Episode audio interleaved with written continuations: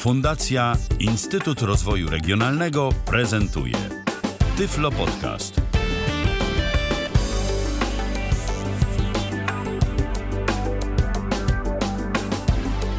Minęła godzina 20, nie 19. Wyjątkowo w kalendarzu mamy wtorek, to 16 dzień maja 2017 roku. Witam bardzo serdecznie przy mikrofonie Michał Dziwisz, a przy drugim mikrofonie Tomek Bilecki. Witaj Tomku. Tak, dzień dobry, dzień dobry. Dzień dobry.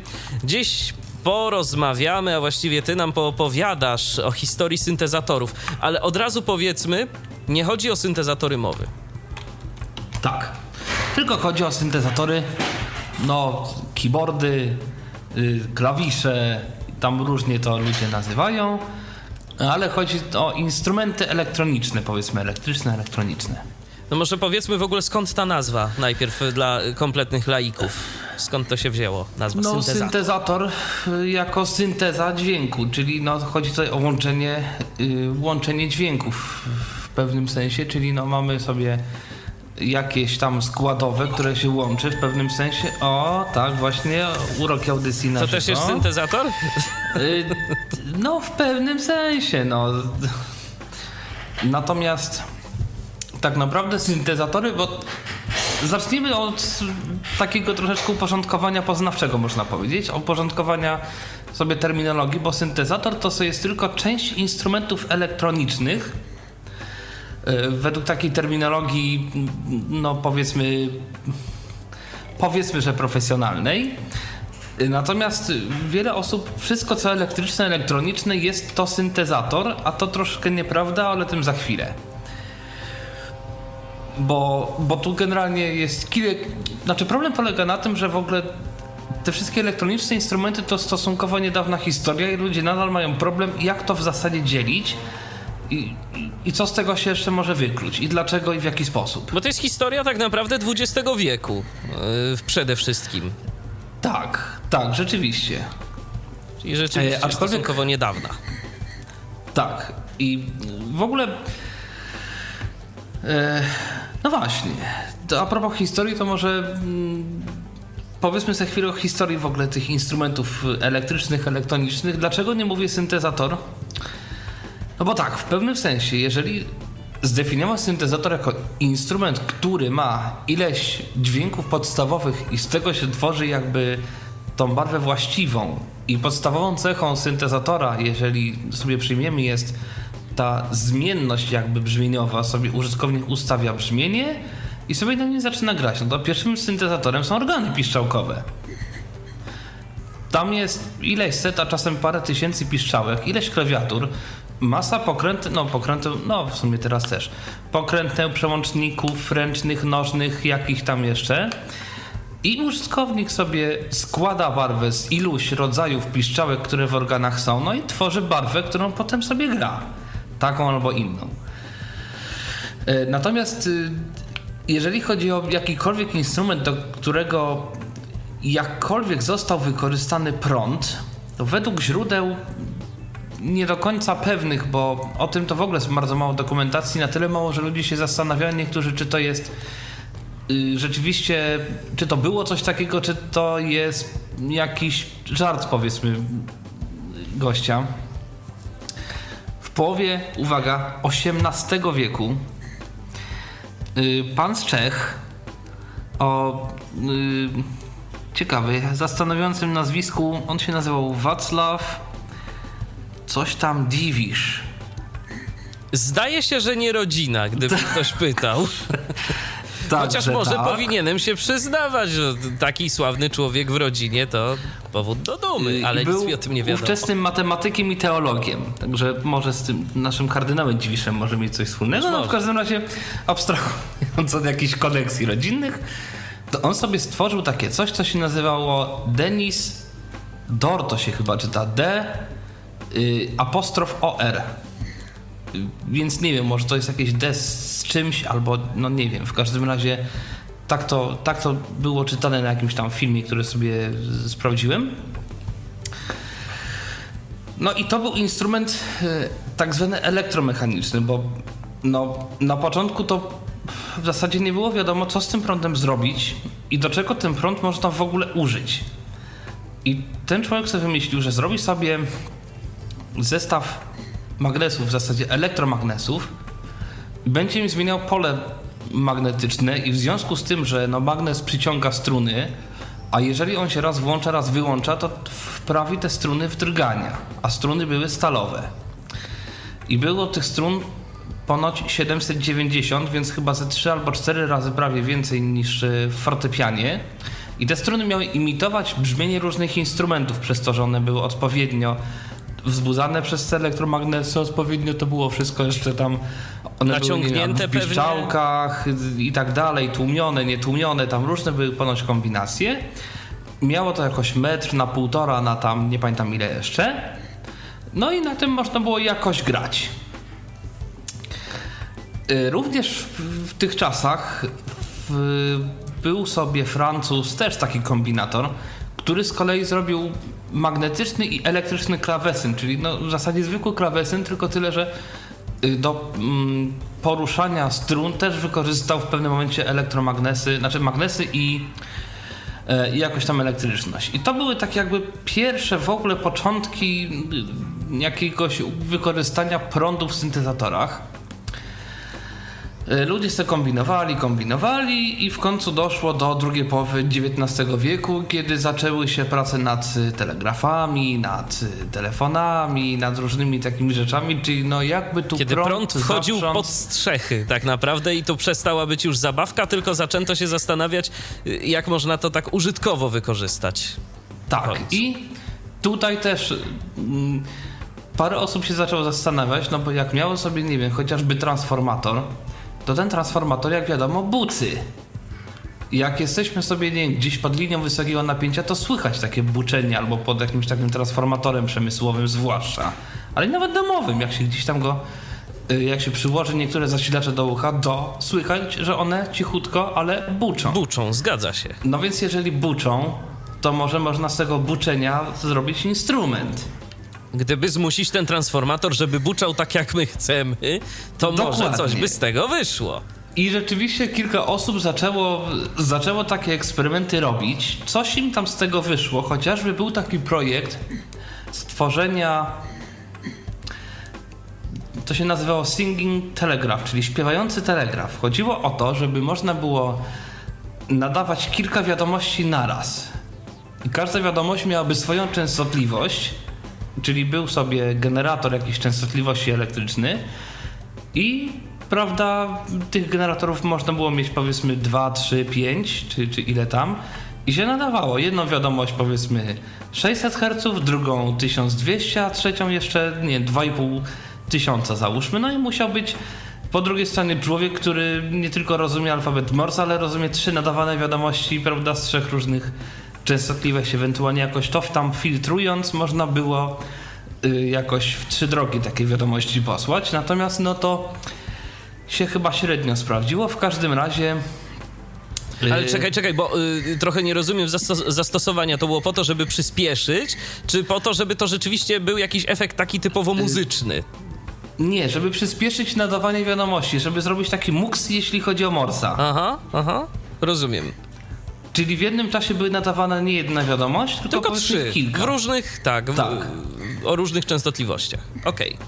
Tak. No i y, różne eksperymenty się właśnie wtedy działy z, takim, z taką próbą zmuszenia prądu do wydania jakiegoś dźwięku, aż w końcu w tysiąc, to był chyba rok 1890 chyba piąty. Nie pamiętam kto, ale stworzył takie coś, co się nazywało telharmonium. I to jest uważane za taki pierwszy instrument, no elektromechaniczny to się mówi, ale taki rzeczywiście z, z prawdziwego zdarzenia, udokumentowany i tak dalej, i tak dalej. Powstało to bodajże w Nowym Jorku i teraz tak, po pierwsze do tego była stworzona specjalna hala. Telharmonium Hall to się chyba nazywało. Po drugie, całe to ustroństwo ważyło 200 ton. Po trzecie, te wszystkie prądnice i tak dalej generowały potworny hałas, w związku z powyższym to było w oddzielnym pomieszczeniu, a w drugim pomieszczeniu była klawiatura. Po czwarte, był jeden problem polegający na tym, że nie było klasycznych głośników takich jak my dzisiaj znamy, bo klasyczny głośnik to jest rok, no to są powiedzmy połowa lat 20. tego wieku, tam 1927 chyba był patent, yy, głośniki chyba były obserwowane od 1925 roku, takie mniej więcej jak znamy dzisiaj, z cewką, tam z, z membraną i tak dalej, i tak dalej. Wcześniej to ludzie kombinowali, że tu jakiś kawałek metalu, który tam sobie drgał i to było jakąś tubą wzmacniane. I tego telharmonium można było w taki sposób y, słuchać, to znaczy mogło się ilość luda sobie zebrać i posłuchać, ale oprócz tego chodziło im o to, y, całemu pomysłodawcy, żeby można było puścić telharmonium po linii telefonicznej i powiedzmy jak ktoś tam był sobie w hotelu czy, czy gdzieś, to mógł posłuchać muzyki. Y, no bo wtedy jakieś patefony czy coś, no to była po pierwsze rzadkość, y, po drugie to wszystko było drogie. Czyli taki prekursor Spotify'a. Właściwie takie muzyki, nie wiem, muzaku, czyli tej muzyki w supermarketach, w restauracjach i tak dalej. No tak, tak, dalej. bo nie można sobie było wybrać, chyba że tam jakimś kanałem zwrotnym można było powiedzieć panu, który albo pani siedzącej yy. przy klawiaturze, proszę zagrać coś. No może. I to działało jak takie powiedzmy coś troszkę organy Hammonda, jeżeli ktoś zna. Tylko, że w orga organach Hammonda jest ileś takich kręcących się zębatek, takich walców metalowych. I teraz y, one raz kontaktują, raz nie. W związku z tym, że się one są po, no. I jak kontaktują, czyli jeżeli ten ząbek tam przychodzi blisko, y, blisko Y, przetwornika, no to jakby generuje się pole magnetyczne, które ma w cudzysłowie kształt no, generuje jakąś falę. I ta fala potem może być odtwarzana właśnie przez jakiś głośnik. Z tym, że no, organy Hammonda, no to powiedzmy można no, przez jednego, może przez dwóch ludzi wziąć i gdzieś zataszczyć. No a tam jako, że te, te walce miały metr wysokości i każdy z nich ważył tonę, no to... Problem się robił troszkę większy problem się robił troszkę większy.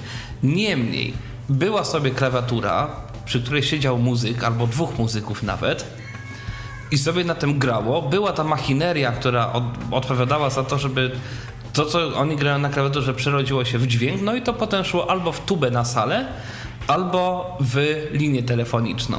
Zastanawiam się, czy ci muzycy mieli jakiś odsłuch z tego, co grali. Yy, no tam chyba była jakaś tuba, więc chyba coś tam słyszeli. Y, natomiast problem polegał na tym, że to na tamte kosztowało chyba 200 tysięcy dolarów, a dzisiaj dolar jest kilka, tam chyba 30 razy droższy, więc generalnie to jakby dzisiaj zapłacić grube miliony dolarów za takie coś. I teraz tak, problem polegał po pierwsze, że to się nie bardzo chciało zwracać, po drugie ten prąd, yy, który był generowany przez ten syntezator był na tyle silny, że generalnie były z tym ogromne problemy w centrali to wchodziło na rozmowy telefoniczne i tam się paliło coś w tej centrali. Generalnie w latach tam bodaj 12, 13 jakoś tak, XX wieku, czyli tam 1913, 14, nie pamiętam, no zaprzestano jakby działalności tego, tego interesu, bo to no, się nie bardzo sprawdzało. No ale jedno, jedno gdzieś tam nie wytrzymało, inni nadal kombinowali. I oczywiście najpierw właśnie były głównie takie syntezatory czy instrumenty elektromechaniczne, czyli takie, w których był jakiś element, y, który jakoś tam się ruszał mechanicznie i no jakoś tam ten dźwięk no, w ten sposób generował. Aczkolwiek już wtedy...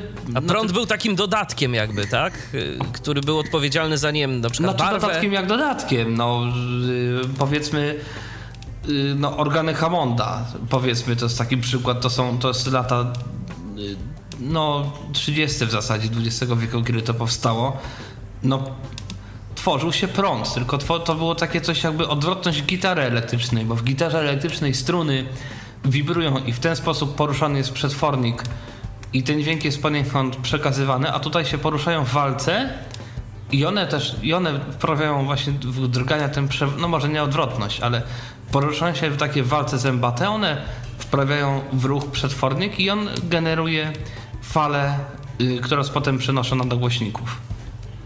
falę elektromagnetyczną, potem sobie to wszystko zamieniane i słyszymy, i słyszymy w efekcie dźwięk. No i generalnie początki XX wieku to były wielkie poszukiwania jak, jakby, jakim w ogóle instrumentem i do czego może się taki syntezator przydać. I tak, Notel Harmonium miało klawiaturę, ale nikt nie powiedział, że klawiatura to jest jedyne i słuszne, jedyne i słuszne rozwiązanie, jeżeli chodzi o syntezatory. E, owszem, no często były to jakieś rodzaje organ, więc ta klawiatura często się powtarzała. Był na przykład taki instrument, który się nazywał e, choral cello, czy jakoś tak. I to było takie połączenie właśnie fortepianu i takiego jakby super miniaturowego tego telharmonium, ale już jakby no to był rok 1909, kilkanaście lat później. Więc było lżejsze. Powiedzmy, no dało to się zrobić w takiej obudowie przypominającej powiedzmy, że fortepian plus tam takie drugie y, od, od, y, od tej części elektrycznej, ale to powiedzmy dało się już jakoś zainstalować powiedzmy w dużym domu, takim mieszkalnym, że tam powiedzmy część była w piwnicy, część tego i to jakoś powiedzmy, że się dało tego jeszcze używać. E, I w ogóle w, na początku też XX wieku, to był rok chyba 1915, ktoś sobie stworzył takie coś, co się bardzo bardzo tak nie wysilał się z, z nazewnictwem, nazywało się to e, Sound aż sobie muszę e, przypomnieć ze ściągaweczki E, sound Producing Device, czyli urządzenie do tworzenia dźwięków, do produkcji dźwięków.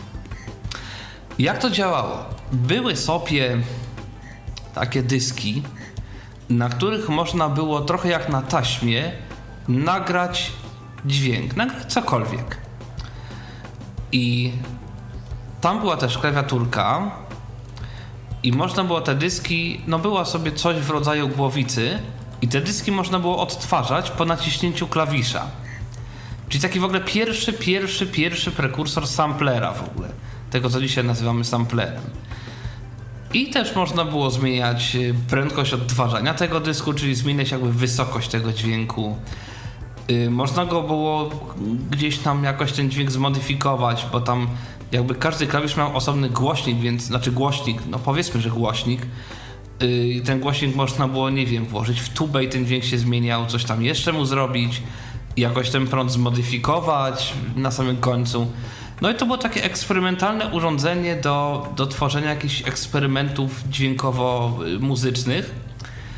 No i właśnie w ogóle to był czas, kiedy te syntezatory były bardzo eksperymentalne. No właśnie o to miałem zapytać, bo jesteśmy cały czas w pierwszej połowie XX wieku. E, czy to już gdzieś było produkowane chociaż coś na większą skalę, czy to były raczej takie pojedyncze egzemplarze, raz, że drogie, a dwa, że po prostu jeszcze e, cały czas było to usprawniane, ulepszane?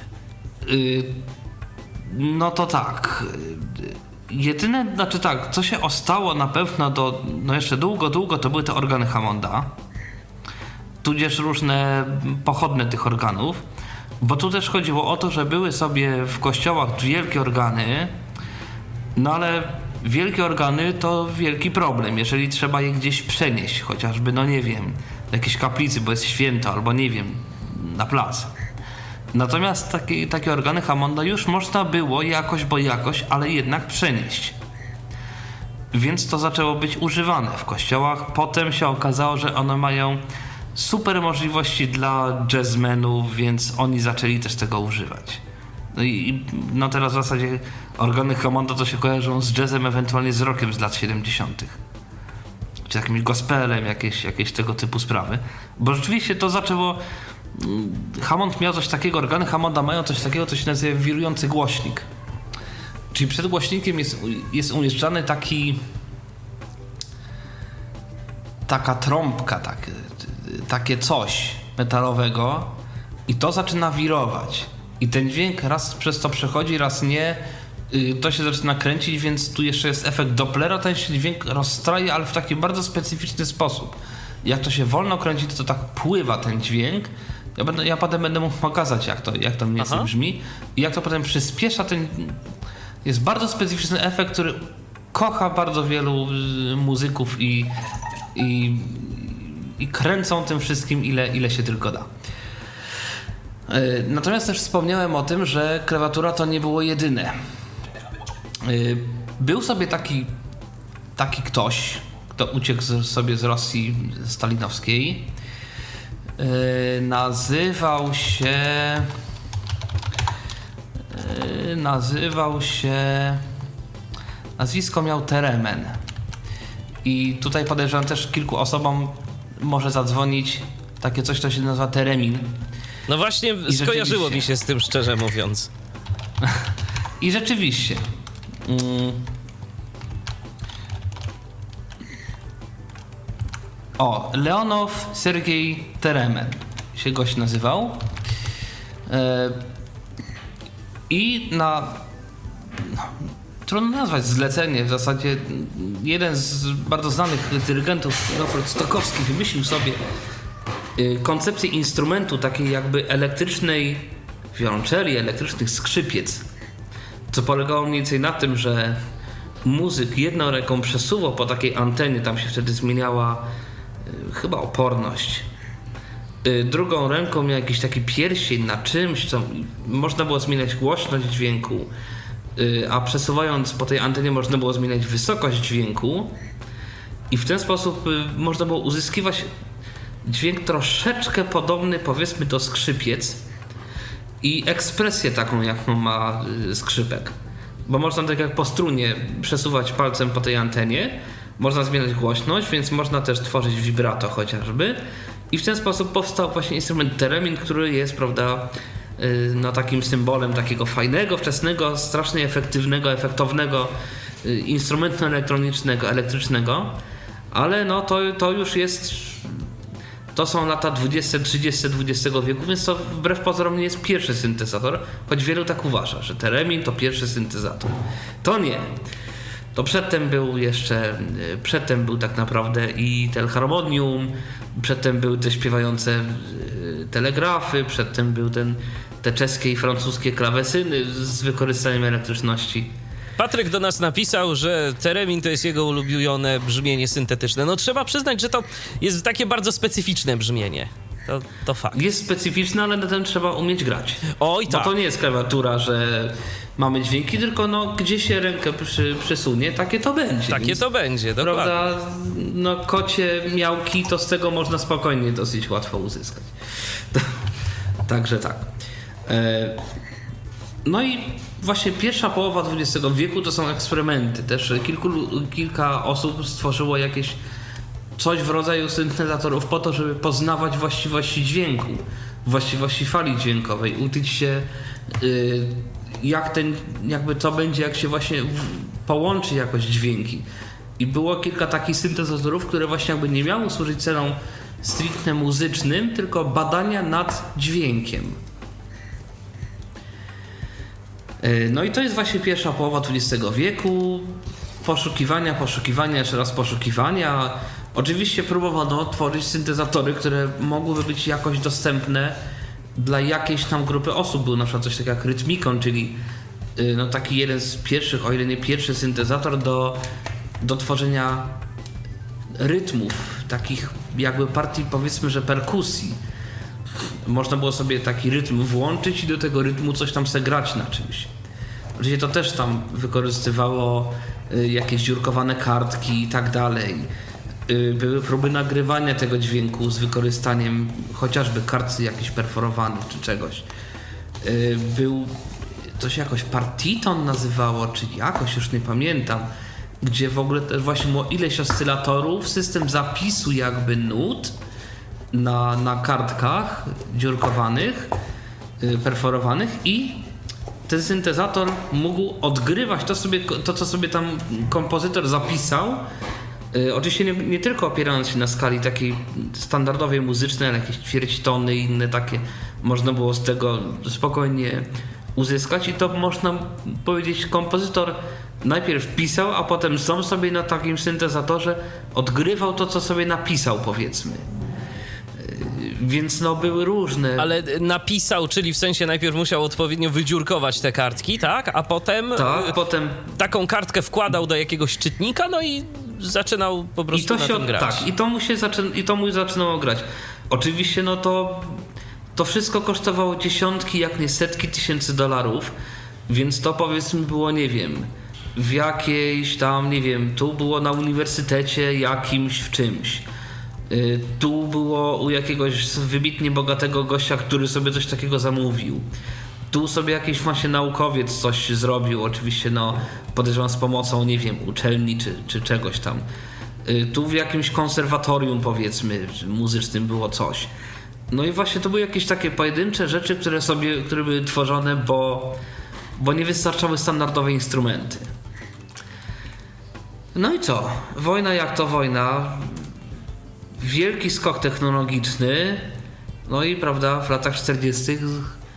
Yy, pojawienie się pierwszego komputera, no to kolejny bodziec do tego, czy by się, czy by się czegoś nie udało jakoś do tych syntezatorów wykorzystać z tej techniki cyfrowej, powiedzmy. Yy, I wtedy już powoli zaczęto się, powoli zaczęło się ustalać, że jednak klawiatura to jest to w syntezatorach, że yy, oscylator, no bo powiedzmy lampowe oscylatoriusz można było jakoś uzyskać niekoniecznie setkami tysięcy dolarów, głośniki też były, więc już w latach 50. można mówić o takich syntezatorach, jeżeli chodzi o, no powiedzmy, zasady brzmieniowe, no jakie znamy dzisiaj. Czyli syntezatory jako syntezatory oczywiście. Czyli mamy sobie jakiś oscylator, mamy klawiaturę, która zmienia częstotliwość tego oscylatora i mamy jakieś tam gały przyciski, yy, czy tam jakieś inne pedały, które zmieniają sobie brzmienie jakoś tego oscylatora jednego, drugiego. I w ten sposób uzyskujemy dźwięk na wyjściu. E, oczywiście każdy kombinował jak, jak mógł. I do oscylatorów dołączał to magnetofon z taśmą, a to jakiś jeszcze efekt, y, a to te oscylatory jakoś modyfikował w jakiś sposób, a to zamiast jednego o złożonej barwie dawał na przykład ich 20, ale o, pod, o różnych y, barwach i jakby 20 oscylatorów złożonych generowało jakiś taki skomplikowany dźwięk jeden. Y, Albo na przykład jakieś takie foto, y, fotoelektryczne. Y, Było już nie pamiętam jak to się nazywało. Chodziło o to, że się czymś czarnym rysowało na takim szklanym dysku jakiś wzorek i ten dysk się wkładało pomiędzy element światłoczuły i generator jakby światła i teraz i teraz jakby ten wzorek określał tą wiązkę fal, która padała na ten element, w związku z czym ten Jaki dźwięk... był wzorek, to taki był dźwięk, tak? Jaki był wzorek, to taki był dźwięk i to no też tam głównie tworzyły się jakieś dziwne szumy takie, takie, takie, takie psychodeliczne, różne dziwne. Niemniej jakby to wszystko Ale czy ten dźwięk dążyło- to był, czy ten dźwięk to jeszcze cię zapytam, bo to jest dość ciekawe. Czy ten dźwięk to był pojedynczy i na przykład było ileś tych dysków i łączyło się to razem, tworząc coś, yy, yy, po, połączenie, będące go połączeniem tych tonów, czy to raczej określało całą sekwencję, że ten wzorek był sobie jakiś tam i była sekwencja tych szumów na przykład? Y, No, no, było kilka takich instrumentów i różnie ludzie do tego podchodzili. Rozumiem. Ja tylko chcę powiedzieć jakby, że były różne dziwne y, metody, jak co można, jak może prąd zrobić, żeby było głośno i dziwnie, albo fajnie. W każdym razie, y, o na przykład też w latach 50. w Rosji gość stworzył taki syntezator, który, na którym się jakby rys- było coś w rodzaju ekranu, takiego tabletu jakby. Był specjalny takie pióro, długopis, taki rysik powiedzmy i tym się rysikiem rysowało się kształt tej fali, która ma być na, na wyjściu i w ten sposób też można było jakiś taki dźwięk powiedzmy sobie osiągnąć. Yy, też w roku tam chyba 59 Siemens stworzył syntezator, który był w niejednym takim filmie, zwłaszcza SF, yy, wykorzystywanym w latach, nie pamiętam których, była też y, stworzone takie urządzenie do tych y, y, też taki jakby sampler, też były taśmy. Na taśmach były nagrane dźwięki i do tych filmów typu Cartoon Network, tak? Tych takich bajek dla dzieci z, z tymi takimi klasycznymi dźwiękami kartonowskimi. No tak. Też była maszyna, na której się to nagrywało i można było jednym klawiszem taki dźwięk no puścić powiedzmy, więc jakby zamiast nagrywania tego od początku można było w bardzo szybkim czasie i dosyć efektywnie no jakoś stworzyć podstawy ścieżki dźwiękowej. Czyli to już taki bardziej nawet sampler wtedy, tak? Tak, to jakiś sample, ale to wszystko właśnie powstawało, żeby sprostać konkretnym potrzebom konkretnych ludzi przeważnie. No właśnie zostały. No przecież, żeby daleko, żeby też daleko nie szukać, to y, w stacjach radiowych były te y, card playery tak zwane y, do odgrywania krótkich y, dźwięków. Mm, Właśnie jakichś, jakichś jingli i innych No tego, tak. typu, innych te, tego typu rzeczy. To wszystko było na takich y, kartridżach albo na taśmach, y, które po prostu ładowało się do takiego jednego wielkiego urządzenia i potem pod jednym klawiszem był jeden magnetofon odtwarzający dany dźwięk, y, pod innym drugi, pod jeszcze innym trzeci, żeby realizator czy prowadzący miał do tego dość szybki dostęp. No, także no to wszystko właśnie to było ni to magnetofon, ni to syntezator, ni to coś pośredniego. Chyba najbardziej nawet. No i w latach 60. mm, powstały dwa urządzenia, z których jedno jest znane do dzisiaj, o drugim się w zasadzie zapomniało. Oba działały na takiej samej zasadzie. Ten bardziej znany to jest Mellotron. Mellotron, który właśnie miał ileś magnetofonów jakby i ileś taśm. Tam już były taśmy, no bo w latach 60. taśma magnetyczna to już było, to już było normalne. I to już było w takiej cenie, że powiedzmy większość zespołów, które chciała tego używać, mogła sobie na to pozwolić. I na takiej taśmie był nagrany powiedzmy saksofon, skrzypce i to też na każdej taśmie jakby mm, były różne dźwięki tego saksofonu nagrane, że teraz na tej taśmie jest C, na tej jest D, na tej jest E i tak dalej, i tak dalej. I wciskając odpowiednie klawisze, odpowiednie dźwięki z tego, z tego saksofonu, czy tam skrzypiec, czy tam czegoś, były, można było gdzieś tam usłyszeć. I no, większość tych zespołów tak zwanych progrokowych, czyli tego, tego rocka progresywnego w latach zwłaszcza 70. na początku, no to tego rzeczywiście często wykorzystywały. Jakiś King Crimson, u nas miał to Czesław Niemen chociażby e, i jakiś tam podejrzewam, że Pink Floyd mógł mieć, chociaż nie pamiętam na jakiej płycie mogło to być wykorzystane.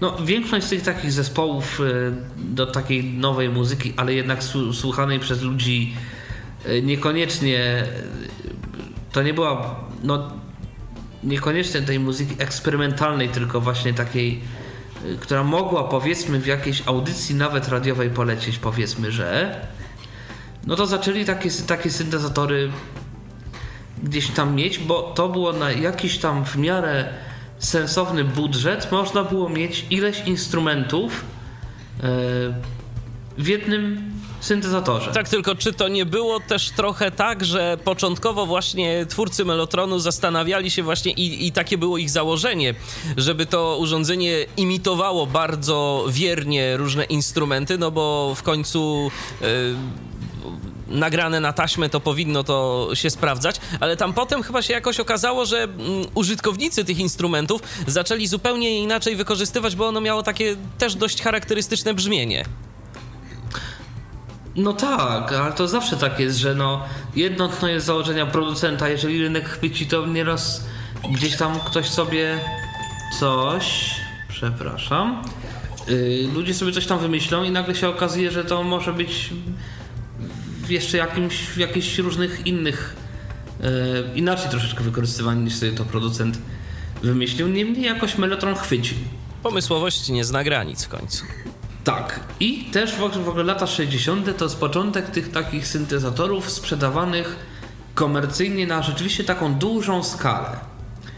E, Wtedy też niejaki Robert Moog tak, y, y, niejaki Robert Moog stworzył swoją firmę i zaczął rzeczywiście sprzedawać syntezatory. Najpierw tak zwane syntezatory modularne, czyli takie szafy 2 na 3 metry i klawiatura, które Tomku, może zrobimy chwilę przerwy i po prostu spróbuj jakoś y, nad tym y, swoim telefonem zapanować, bo widzę, że ktoś bardzo próbuje się do ciebie dodzwonić. To może No właśnie to były dwie osoby, że jakoś zazwyczaj nie mam takiego naporu, dzisiaj coś, coś tam y, wyszło. W każdym razie, no to już dziś odłożyłem, jeżeli nawet zacznie dzwonić, to ciszej. Okej. Zaraz to zresztą przygłośnię, y, przyciszę. Y, W każdym razie, y, wtedy powstały właśnie takie, zaczęły się tworzyć takie komercyjne filmy, które no zresztą do dzisiaj sprzedają syntezatory, bo mógł do dzisiaj gdzieś tam funkcjonuje. Lata 60. to właśnie, tak jak mówiłem, to był głównie taki syntezator mógł modular, czyli taki modularny syntezator, gdzie, gdzie by każdy oscylator, filtr to było pudełeczko, które wkładało się w jakieś miejsce tej całej machiny. Yy, I teraz w zależności od tego, ile użytkownik włożył tych oscylatorów, w jakiej kolejności, bo mógł jeden wpływać na drugi, yy, mógł filtr wpływać albo na oscylator, albo na coś tam jeszcze. Były takie, coś nazywa LFO, czyli gen, ktoś to kiedyś bardzo ciekawie przetłumaczył, równie zrozumiale, generator przebiegów wolnozmiennych. Czyli taki oscylator, który generuje bardzo niskie częstotliwości i który na przykład nie, nie używa się go do tego, żeby dźwięk generował, tylko on na przykład zmieniał, yy, no załóżmy filtr jakiś yy, w syntezatorze. I wtedy był syntezator, który albo nie wiem, zmieniał wysokość i w ten sposób tworzyło się vibrato. Załóżmy. Vibrato z częstotliwości tego oscylatora, którym jakby sterował częstotliwością drugiego oscylatora. I w ten sposób można było też tworzyć dosyć yy, pomysłowe różne, różne yy, dźwięki. Mogę rzecz ciekawa, na przykład taki syntezator kupili, kupił sobie zespół The Doors i go nigdy nie użył. No, w ramach takich ciekawostek na przykład. Natomiast też właśnie bogaci byli po prostu. tak.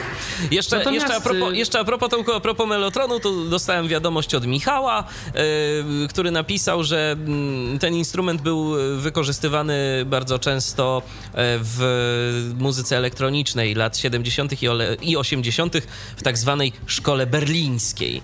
E, To jeszcze uzupełnienie. No, no tak, no. W ogóle Mellotron to był instrument, który, który jakoś się zaczął sprzedawać, bo to już kosztowało nie pamiętam ile dolarów.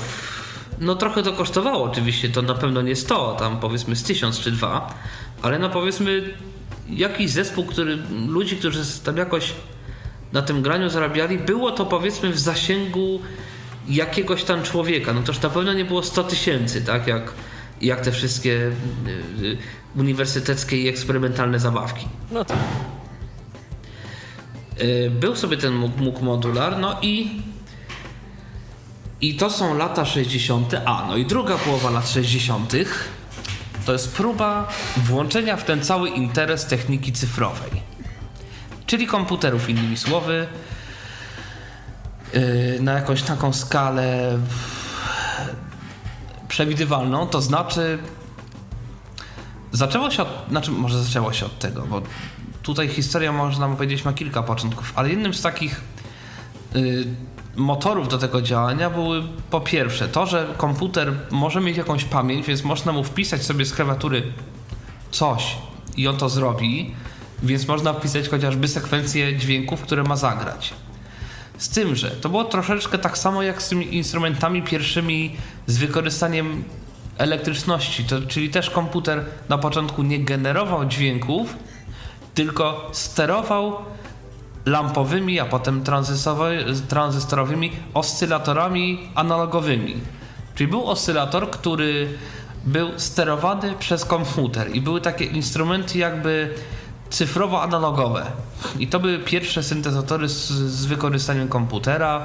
Oczywiście też na początku były to jakieś twory uniwersyteckie, tu Uniwersytet w Helsinkach, e, w Helsinkach, tu tam gdzieś jeszcze. Były jakieś specjalne języki programowania, do tego oczywiście no, y, do zawsze do tego fakt, że no ile taki syntezator, znaczy ile taki komputer wtedy miał pamięci? 1 kilo, 2 kilo, 4 kilo bajty? No więc to wszystko musiało być po pierwsze bardzo mało miejsca zajmować, po drugie No i też te komputery nie były małe. też te komputery nie były małe, mimo że się nazywały mikrokomputery. E, Poza tym, no też y, no, ten interfejs przeważnie nie był taki, jak to się dzisiaj z angielskiego mówi, user-friendly, tylko no taki, no No bez assemblera nie to jakoś- podchodź. Dokładnie, więc to najpierw trzeba było przeczytać instrukcję obsługi, nie cienką, albo i przejść szkolenie i można się było zabrać za tworzenie muzyki z użyciem komputera. A w technice lampowej, y, jeszcze przed y, tranzystorami, to trzeba było się też jeszcze zajmować nierzadko odszukiwaniem y, lamp, które się przepalały, bo one lubiły to robić, bo to, to zresztą i też pewnie z syntezatorami jako takimi budowanymi na lampach ten problem też podejrzewam istniał.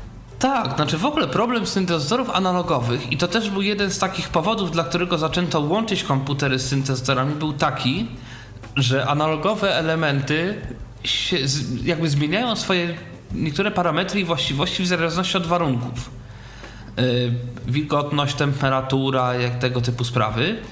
Zresztą to można nawet zauważyć. Yy, zróbcie sobie Państwo taki eksperyment. Kto ma golarkę, zwłaszcza taką yy, nie Philipsowską, czyli nie na kółka, tylko taką jak nie Brown powiedzmy, czyli z takim yy, no wałkiem jednym, dwoma, czyli takie, które buczą, a nie które walczą jak kosiarka powiedzmy.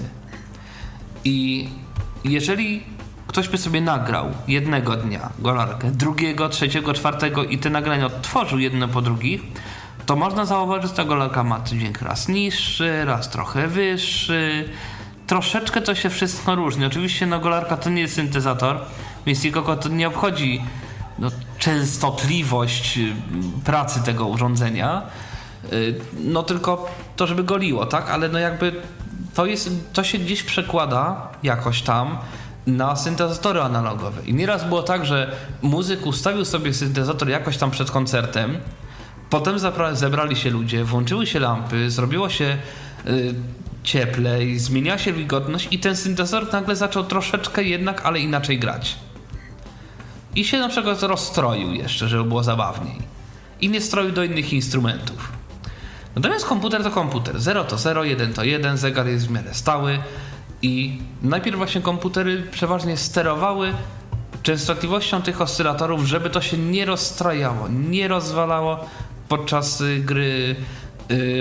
podczas gry. No i druga rzecz, właśnie takie podstawowe nagrywanie dźwięków. Była taka firma EMS, EMS oni zaczęli sprzedawać y, pod koniec lat 60. y, takie właśnie cyfrowo analogowe syntezatory na skalę komercyjną. Też u nas Czesław Niemien miał, Niemen miał, miał taki syntezator. On miał właśnie sekwencer, czyli mógł sobie użytkownik nagrać jakąś sekwencję dźwięków i potem ją odtworzyć szybciej, wolniej i jakoś coś tam zmienić w, tych, w tej sekwencji dźwięków, coś zagrać wyżej, niżej.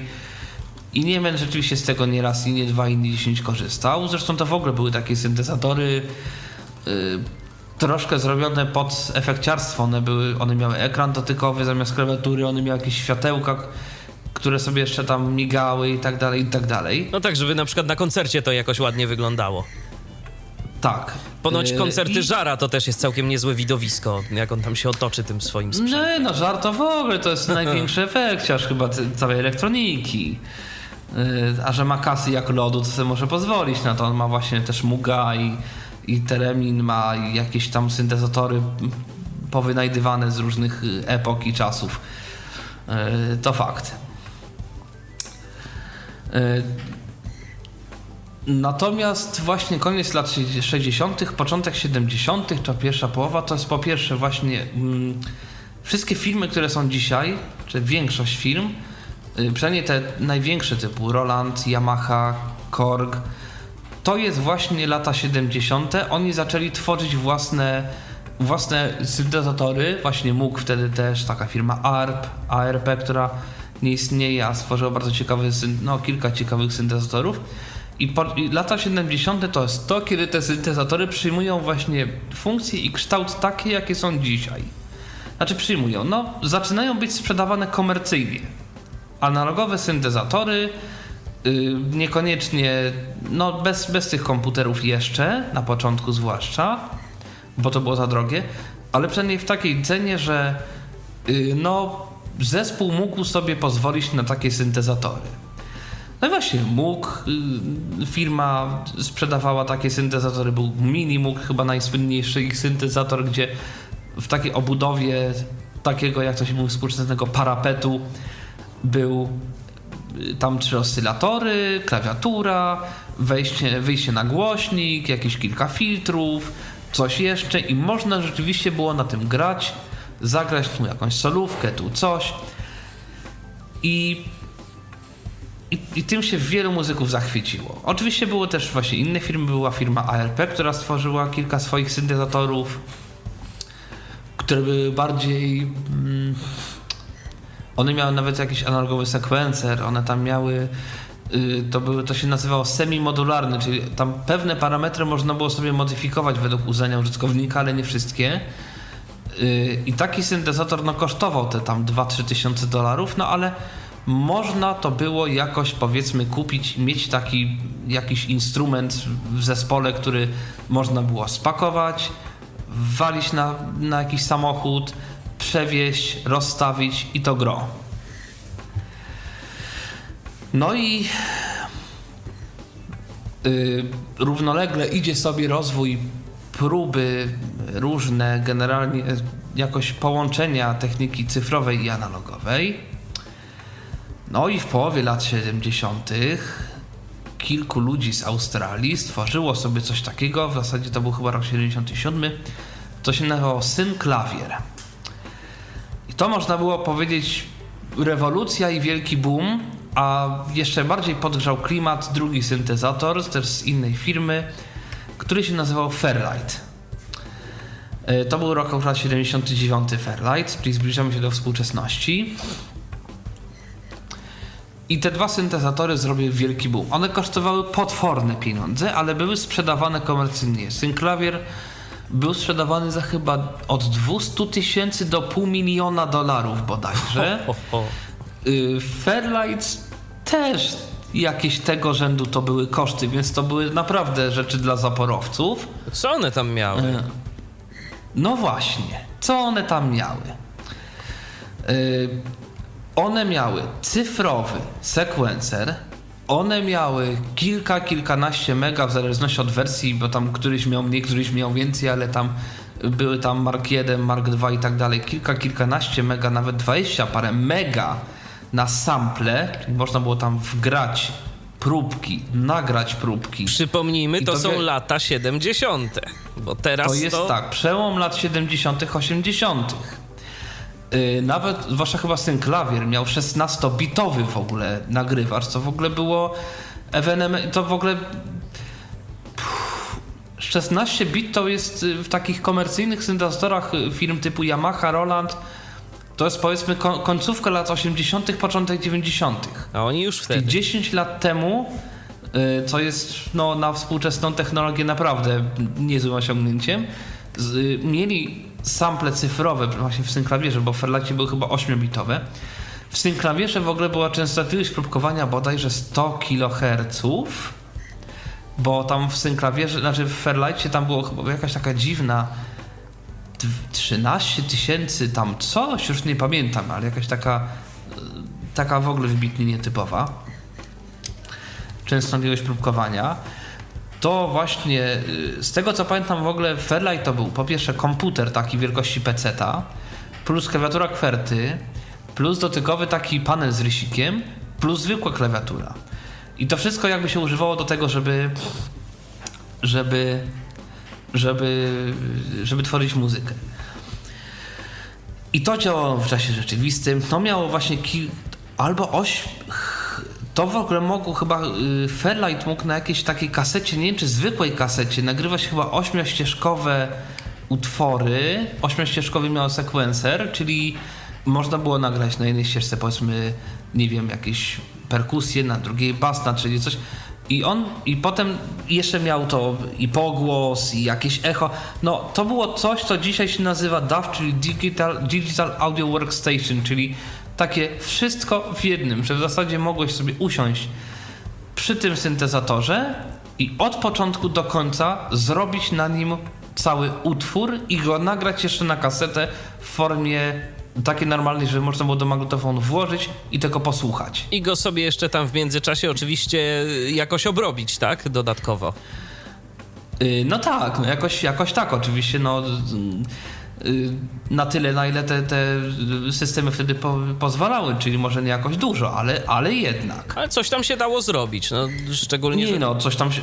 Mhm. Zresztą w ogóle, bo Synclavier to w ogóle był taki syntezator dla elity, wychodziło jakieś czasopismo tylko dla posiadaczy tego syntezatora. No to, to było takie Synclavier, to takie elita elit, można powiedzieć, wśród syntezatorów. Fairlight teoretycznie też, aczkolwiek jakoś Fairlight, nie wiem, czy miał, chyba w ogóle miał jakąś większą reklamę, bo Synclavier to tak, chyba więcej osób zna Fairlighta. Fairlight zrobił w ostatnimi czasy, chyba nawet ci sami ludzie, albo ci, którzy kupili Fairlighta, już nie pamiętam, tą firmę, yy, zrobili odpowiednik Fairlighta na iPhone'a w ogóle. Nawet jakoś to dostępne było swego czasu, z tego co pamiętam. Y, próbki z Fairlighta krążą do dzisiaj w internecie. Są dostępne jakieś taśmy demonstracyjne y, do posłuchania. Różne, bo tam, tam Fairlight miał tych taśm troszeczkę. Była taka prezentacja 20-minutowa, taka, co to potrafi, jak, gdzie, kiedy. No to bardzo ciekawe rzeczy są. Oczywiście po angielsku. Mm. I to były takie właśnie dwa pierwsze syntezatory, które rzeczywiście takie od A do Z można było coś na nich stworzyć.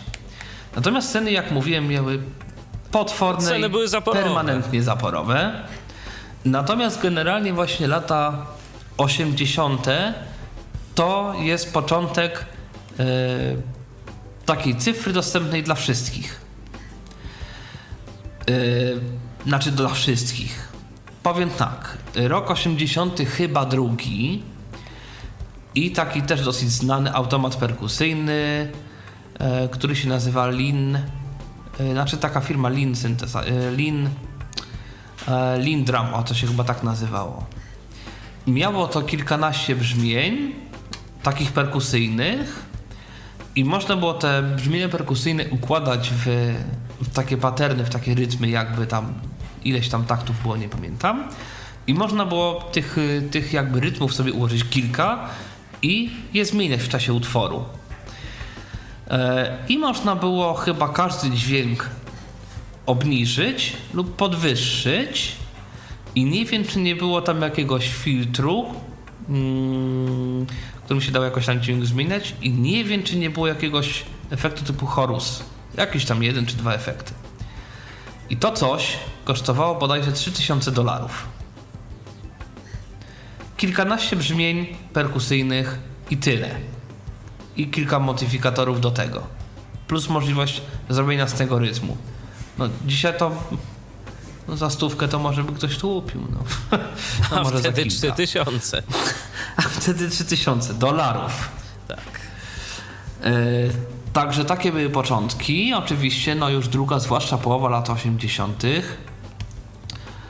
No to zaczynają się takie syntezatory i takie no prawie że keyboardy, jakie znamy dzisiaj.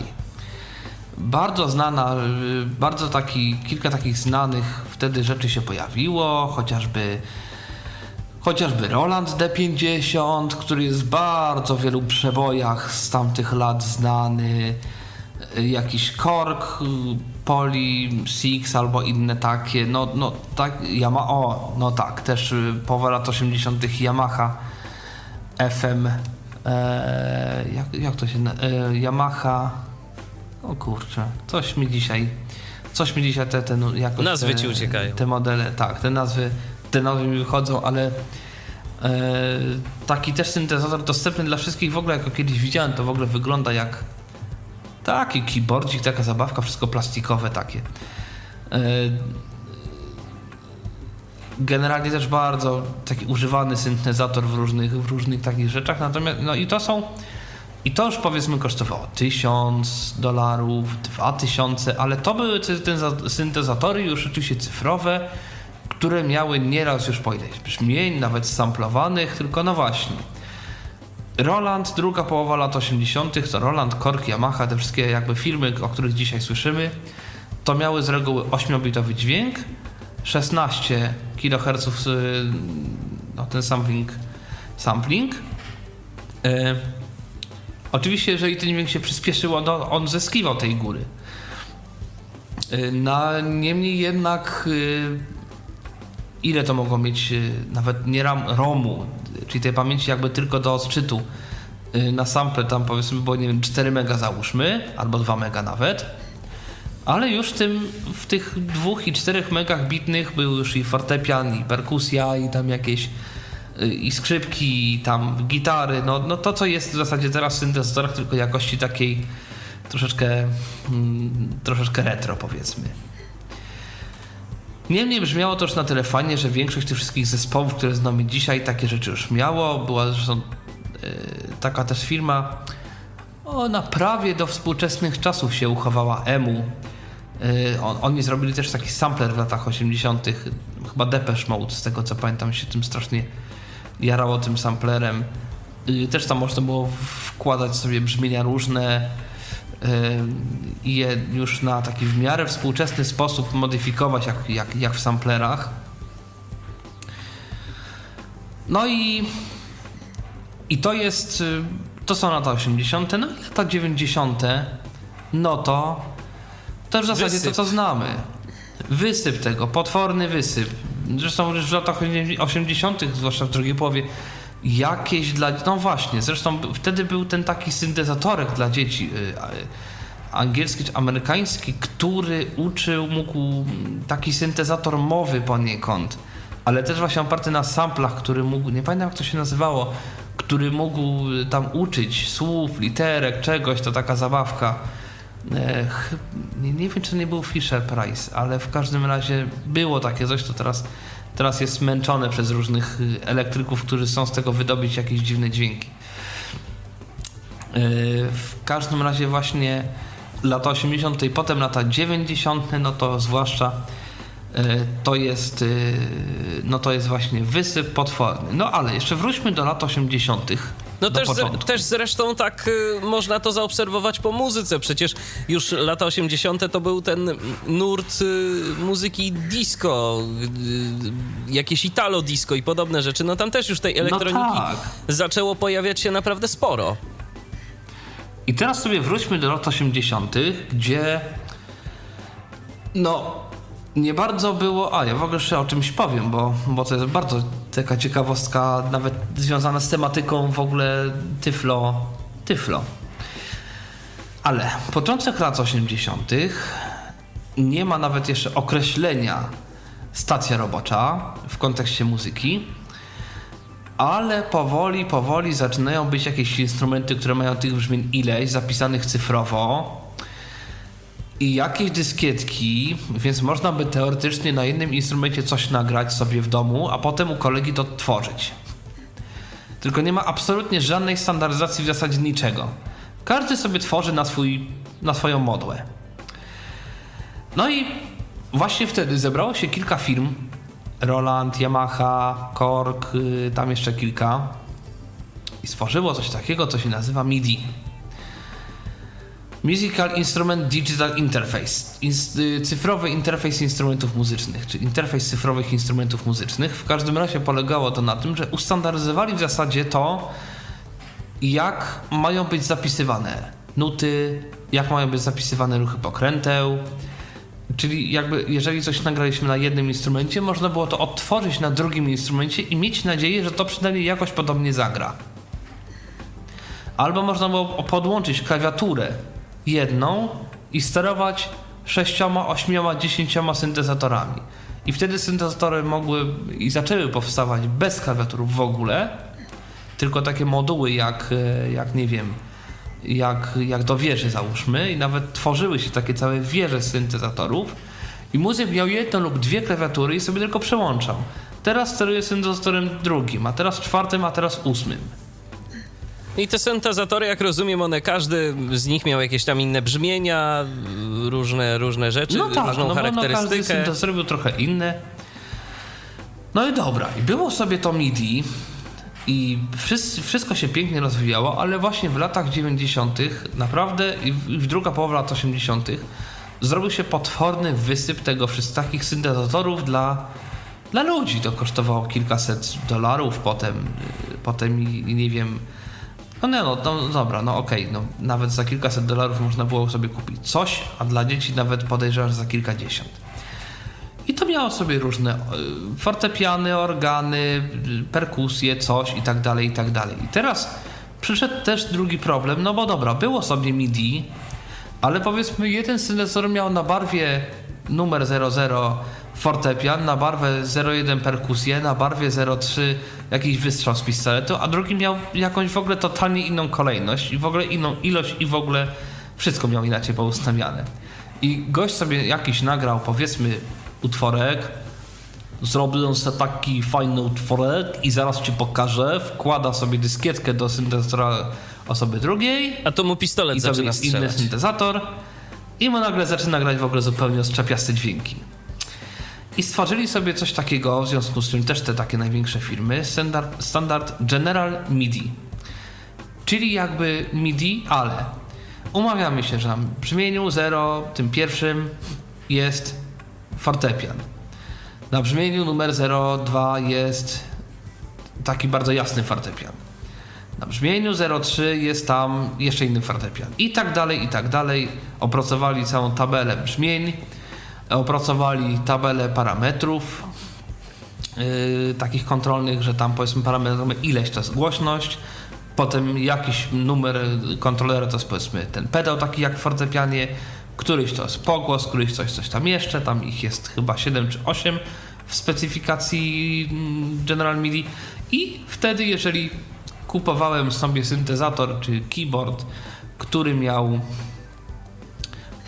yy, no ten, nie, czy nie wiem czy miał certyfikat, ale był zgodny z General MIDI, no to wiadomo, że jak na nim nagrałem coś i odtworzyłem na drugim syntezatorze, to to przynajmniej grało takimi samymi brzmieniami. Oczywiście, yy, no wiadomo, każdy sobie tam fortepian po swojemu nagrywał, po swojemu realizował i tak dalej, i tak dalej, ale zawsze fortepian był fortepianem, powiedzmy. A perkusja miała taki sam układ na klawiaturze, jeżeli było w General MIDI. Więc można było sobie yy, właśnie coś stworzyć i zagrać na koncercie, gdzie tam był, nie wiem, jakiś tam inny instrument, włożyć dyskietkę i to powiedzmy grało. Bądź ja sobie mogłem zacząć tworzyć podkłady i je sprzedawać za jakąś tam kasę. Macie i sobie mm, odtwarzajcie na innych syntezatorach, o ile są zgodne z General MIDI, a w zasadzie większość tych syntezatorów w latach 90., a teraz to chyba wszystkie te takie keyboardy domowe są z tym w zasadzie zgodne. No i ten biznes podkładowy to jeszcze do dziś funkcjonuje tak naprawdę. O, i to się rozwija. Mam takie nieraz wrażenie, bo przecież tych karaoke, tych filmików na YouTubie, że covery, coś, to przecież tego są jakieś tony. Natomiast miałem powiedzieć o tym, o tym wątku małym tyflologicznym. Była sobie firma, wiem jak się czyta, Kurzweil chyba. Był sobie Stevie Wonder. Firma Kurzweil y, robiła różne rzeczy dla niewidomych, między innymi, i zaczęli się Państwo zajmować syntezatorami. Pierwszy ich syntezator, to była też połowa lat 80., chcieli zrobić coś takiego, jak miał synklawier, jak był y, Fairlight, czyli właśnie takie wszystko w jednym.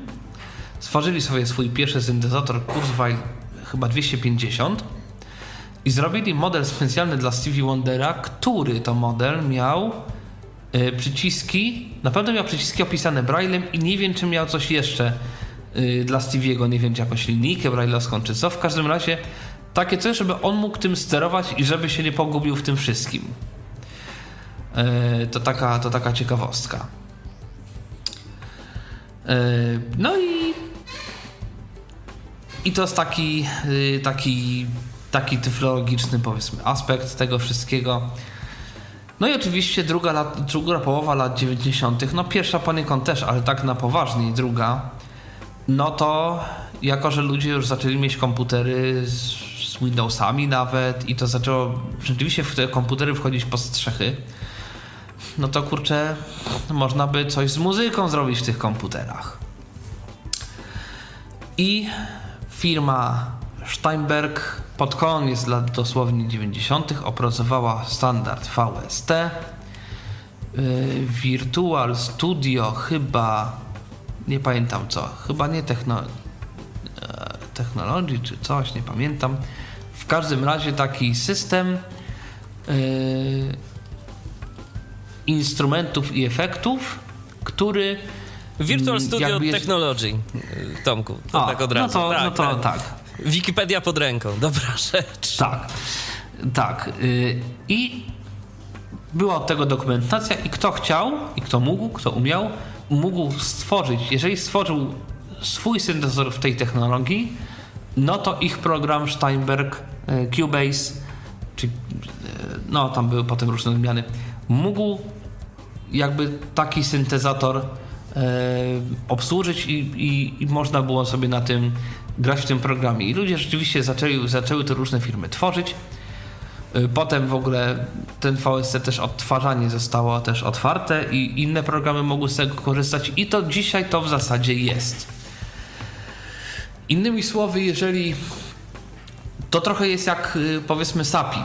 Jest sobie syntezator mowy, no tylko sam syntezator mowy w Windowsie niewiele zrobi, bo trzeba jakiegoś czytnika ekranu, powiedzmy, czy jakiegoś programu, który będzie sterował tym syntezatorem. I tak samo jest w technologii VST. Jest syntezator i jest program sterujący. No i syntezatory się rozwijają i tych syntezatorów VST jest chyba więcej niż stworzono, na pewno więcej niż stworzono syntezatorów sprzętowych od początku istnienia do tej pory, myślę. No i też pewnie większość, y, a przynajmniej część syntezatorów sprzętowych ma swoje porty w VST. Oczywiście. Mało tego, firmy, które tworzą syntezatory sprzętowe, nieraz tworzą y, odpowiedniki tych syntezatorów y, wirtualne. Z różnych powodów. Są one z ciekawości tańsze? Dużo? No z reguły tak, no bo odpada cała, cała ta sprzętowa otoczka, chociaż z reguły jest tak, że y, mm, tworzony jest na przykład odpowiednik syntezatora sprzed lat 20 na zasadzie no żeby Takie tworzyć retro. łatwo jakieś takie retro. Ewentualnie firma robi sobie syntezator analogowy i tworzy jego mm, jakiś y, software'owy, wirtualny model, ale no prawda mówi się, że co analog to analog i jak komuś wystarcza wersja cyfrowa, no to proszę bardzo. Chcesz płacić za analoga? Proszę. Ewentualnie jest tak, że do studia jest wersja yy, powiedzmy wirtualna, a na koncerty mamy sprzęt No tak, bo to lepiej sobie widać. gramy. Bo to lepiej widać, poza tym to się ani nie wiesza, ani się nic z tym nie dzieje, po prostu można. Mamy wszystkie gały pod ręką, dokładnie tak jak to sobie producent wymyślił. Nie trzeba tu myszka, tu coś, tu odrywamy. Tylko po prostu wszystko jest na tej samej klawiaturze, na tym samym instrumencie. Tu ekran, tu coś i, i to wszystko jest y, jakoś zunifikowane. Ewentualnie robią niektóre na przykład też firmy rzeczy w rodzaju tu jest klawiaturka z pokrętełkami i ekranik, ale cały soft, żeby było taniej, robi się w komputerze. Także No tak. są tego typu instrumenty. No i ta integracja jest poniekąd coraz większa, a instrumenty są coraz ciekawsze. Yy, chociażby na początku lat tych 2000 powstało takie dziwadło, które się nazywało Hartman Neuron. I to był chyba pierwszy syntezator i nie znam innego, który to by w ten sposób robił. To był syntezator, który próbował zaimplementować sieci neuronowe do tworzenia dźwięków. No co też było w ogóle jakimś takim, y, jakąś ciekawostką, no bo sieci neuronowe, no to y, no, na Raczej taką szeroką skalę to się teraz to, y, tak, poza tym no teraz to się jakby o tym zaczyna mówić, że y, prawda, no nawet przecież te wszystkie fanlidery i tak dalej to zaczynają używać sieci neuronowych, żeby y, poprawić dokładność rozpoznawania, coś tam jeszcze. Te sieci neuronowe są teraz jakby y, no, algorytmy genetyczne są teraz jakoś tam wykorzystywane. No ten Hartman neuron no też już parę, parę lat temu gdzieś tam y, tą technologię miał. Ale niestety jakoś ten syntezator się nie bardzo przyjął i został wycofany ze sprzedaży. No i raz go nie ma, o ile mi wiadomo. Yy, no trzeba gdzieś tam szukać po aukcjach.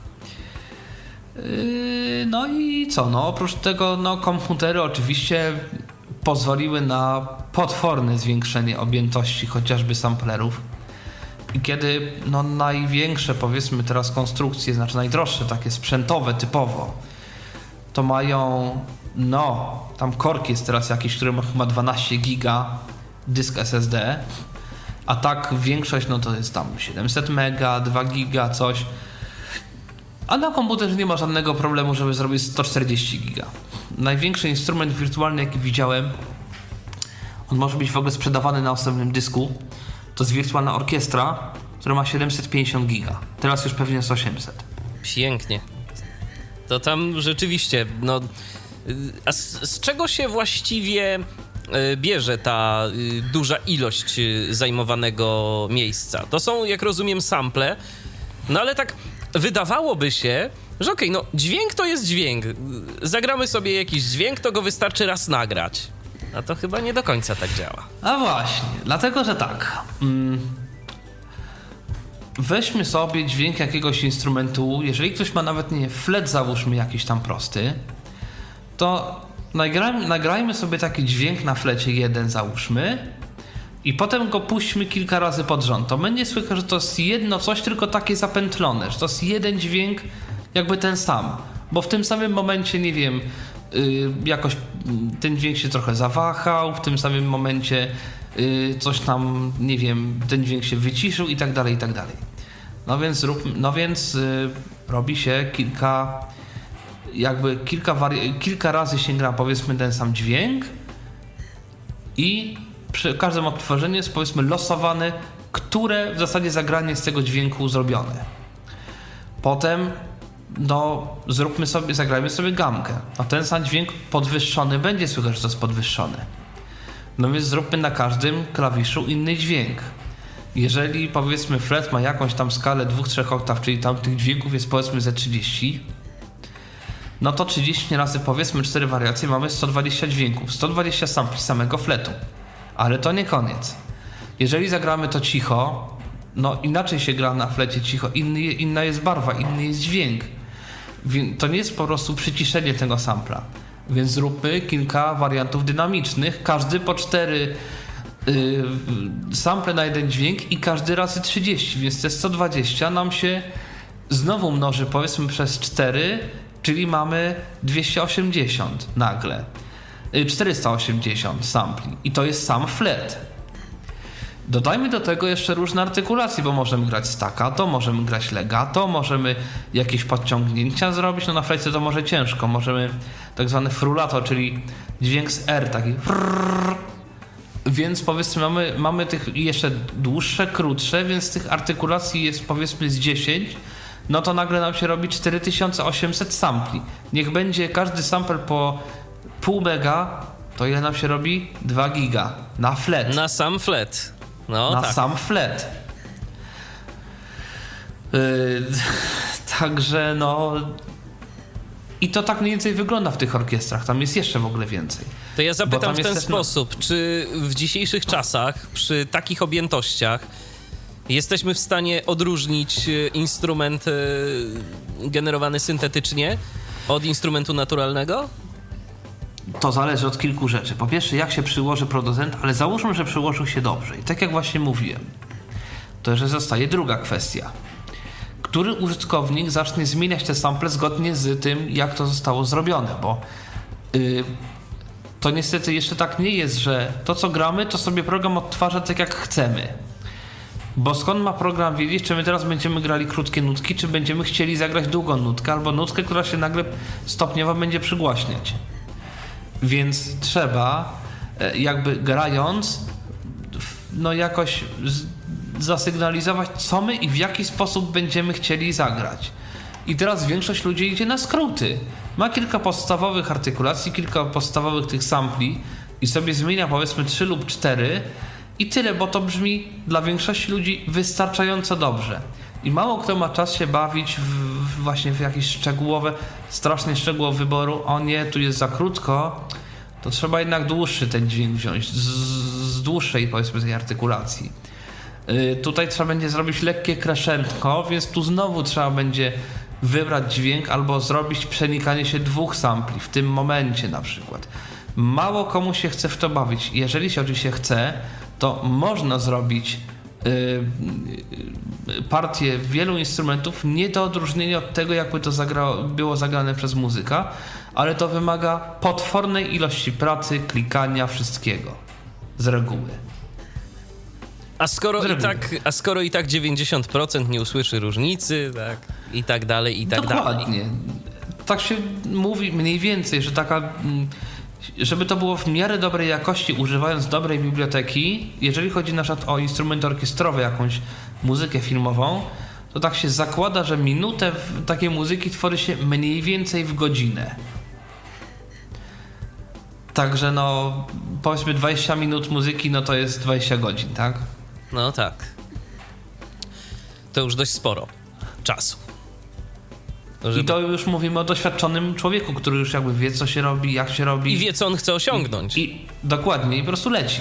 Aha. I mimo tego no, jest, taki, jest taki czas. I to nie chodzi o moc przerobową komputerów, tylko dochodzi o ilość ruchów, które trzeba wykonać, żeby stworzyć żeby to wszystko stworzyć. No i też jeszcze o ten wybór, bo tak jak y, wspomniałeś, mamy ileś tych różnych sampli, ileś różnych klocków, z których możemy to budować, no to tak naprawdę to już też trzeba się w tym orientować. Jeżeli posadzimy świeżaka w ogóle przed taką ilością dźwięków, to... Mm, to się zgadza. Oczywiście są tu jakieś ułatwienia, że powiedzmy jeżeli system wykryje, że klawisze będą naciskane szybko, to się przełączy na przykład na coś, albo że Y, powiedzmy pokrętło, które sobie przekręcimy, no to ono przekręca z, nie wiem, z legato na staccato, a głośność no to sobie wybieramy mocniej albo słabiej uderzając w klawisze, załóżmy. Yy, więc no takie jakby automatyz... no takie no automatyzacja czegoś takiego też no jakoś postępuje powiedzmy. E, zresztą w ogóle też jest, jest kilka takich firm, które próbują w ogóle jakoś podchodzić do tematu na, na świeżo nagrywałem to w bardzo... Jest taka na przykład firma Sample Modeling, y, która... Owszem, tam pewnie jest tych sampli bardzo dużo, z tym, że oni bardzo tak to... Nagrywają to na przykład w komorze bezechowej, żeby tam nie było absolutnie pogłosu. Robią w taki sposób, że te sample, jeżeli się odtworzy dwa sample, one są z sobą jakby synchronizowane pod względem mm, jakby kształtu tego przebiegu poszczególnego że jak się odtworzy jakby dwa dźwięki naraz, to to będzie zagrane jakby jako jeden instrument, jak jeden instrument, a nie jak dwa, które grają to samo. I w ten sposób można jednym pokrętłem zmienić na przykład głośność dźwięku, nie tylko przygłaśniając e, jakby ten dźwięk, tylko po prostu rzeczywiście jakby te sample się tak przenikają, dodając że słychać, jakby, że tak? Tak jakby dodając, ale w super synchronizowany sposób. Yy, i to są mega już skomplikowane rzeczy. Jest też taka firma, która stworzyła orkiestrę, mm, oni to sobie nazywali jakoś tam phrase, coś tam, że nagrali frazy grane przez instrumentalistów i w zależności od tego, kto jakie dźwięki gra i z jaką głośnością i tak dalej, to są brane fragmenty tych fraz, jakby komputer sobie wybiera, które mają być zagrane, żeby było dobrze. Także no to są takie już to są już jakieś poszukiwania. Y, jest takie, taka symulacja fortepianu, który ma chyba 45 MB albo 60 która jest tak naprawdę syntezą, tylko to jest tak mega zaawansowana synteza i tam też starano się zrobić tak, żeby to brzmiało dokładnie jak instrument, czyli takich oscylatorów nie jest dwa, tylko jest, nie wiem, 50 i każdy z nich tam to jest jakaś część składowa Y, brzmienia powiedzmy fortepianu, to tam najpierw trzeba było na jakichś super spektrogramach coś to brzmienie rozkładać na czynniki pierwsze i odwzorowywać je przy pomocy syntezy dźwięku. E, oczywiście to ma swoje potem zalety, bo można powiedzmy y, dowolny parametr, nie wiem, można sobie ustalić jaki ten fortepian ma być w rzeczywistości duży. Bo teraz gram na małym fortepianiku, który ma zupełnie inny rezonans, a teraz gram na dużym fortepianie który ma zupełnie inny rezonans i ten dźwięk się rozchodzi. A teraz mogę sobie stłumić struny trochę, a teraz mogę bardziej stłumić struny. A teraz mogę zrobić tak, żeby, w tym, żeby dźwięk się podwyższał jakby y, co chwilę, albo obniżę, albo mogę włączyć vibrato w fortepianie, albo różne dziwne rzeczy, nie wiem, zdjąć pudło w ogóle rezonansowe i tak dalej, i tak dalej. Różne rzeczy, które są nie do osiągnięcia na zwykłym fortepianie. A przynajmniej nie są do osiągnięcia w jakiś taki prosty sposób, Normalny tak? sposób. tak. Nikt nie będzie pudła zdejmował w trakcie Tak. koncertu. Yy, także no, no yy, był na przykład taki, taki projekt, czy jest w zasadzie Kajma, nie pamiętam jak on się, Kyma to się pisze. To jest też taki system, który się składa z Maca tego stacjonarnego, software'u, klawiatury, takiego ogromniastego pada dotykowego i czegoś chyba jeszcze. I tam jest ileś modułów, jest język programowania, którym można tworzyć jeszcze moduły własne i dziesiątki, jak nie setki różnego rodzaju algorytmów do tworzenia i modyfikowania dźwięku. Do przenikania się dźwięków, czyli czegoś takiego, że można zrobić. Ja tu nawet gdzieś mam próbki. E, próbki tego, e, możliwości tego syntezatora. I rzeczywiście niektóre są bardzo ciekawe, jak na przykład jest y, jakaś gitara, która przechodzi bardzo płynnie w szczekanie psa chociażby. Y, tylko to oczywiście to kosztuje straszne pieniądze, jest no raczej niedostępne dla niewidomych niestety. No i No i przede wszystkim to już No. z takim urządzeniem to już trzeba wiedzieć, co się chce zrobić. dokładnie to, jest- no, to jest jakby kontynuacja tych wszystkich eksperymentów, o których mówiliśmy na początku Tak.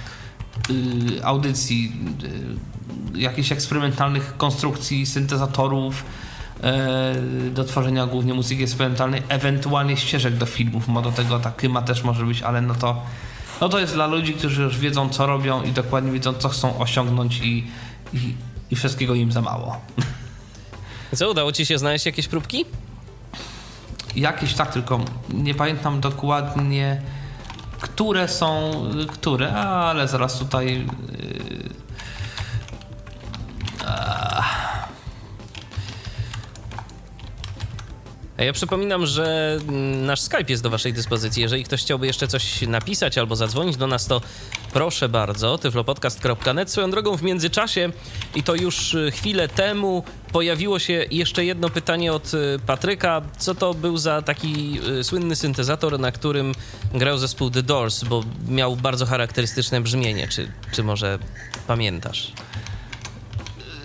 Nie powiem z jednego prostego powodu. Nie znam jakoś za bardzo tego, te, tego zespołu, mm, więc przepraszam, ale yy, nie, w tej chwili nie jestem w stanie na to pytanie odpowiedzieć. Na pewno będą jeszcze, zamierzam zrobić audycję o, o tym, jakie są najczęściej parametry spotykane w syntezatorach, w samplerach, więc może gdzieś tam się to brzmienie gdzieś tam pojawi. Eee, to bym musiał czegoś, jakieś mieć próbkę, coś, bo, bo, bo tak. Natomiast znalazłem tą próbkę eee, tego przenikania się Okej. dźwięków. A tylko oczywiście, jak zwykle mam zepsuty mikser Eee, i muszę to jakoś zrobić, żeby to grało dobrze. No, jakoś to gra. Tak.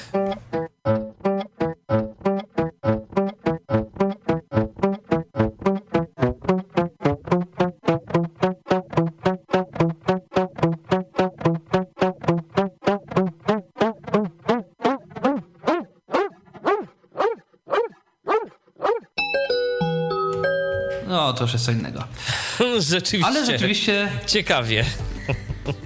była gitara, A potem pies. pies. się pojawił. To fakt. Y, Czy jeszcze y, jakichś próbek posłuchamy, y, jeżeli chodzi o brzmienie?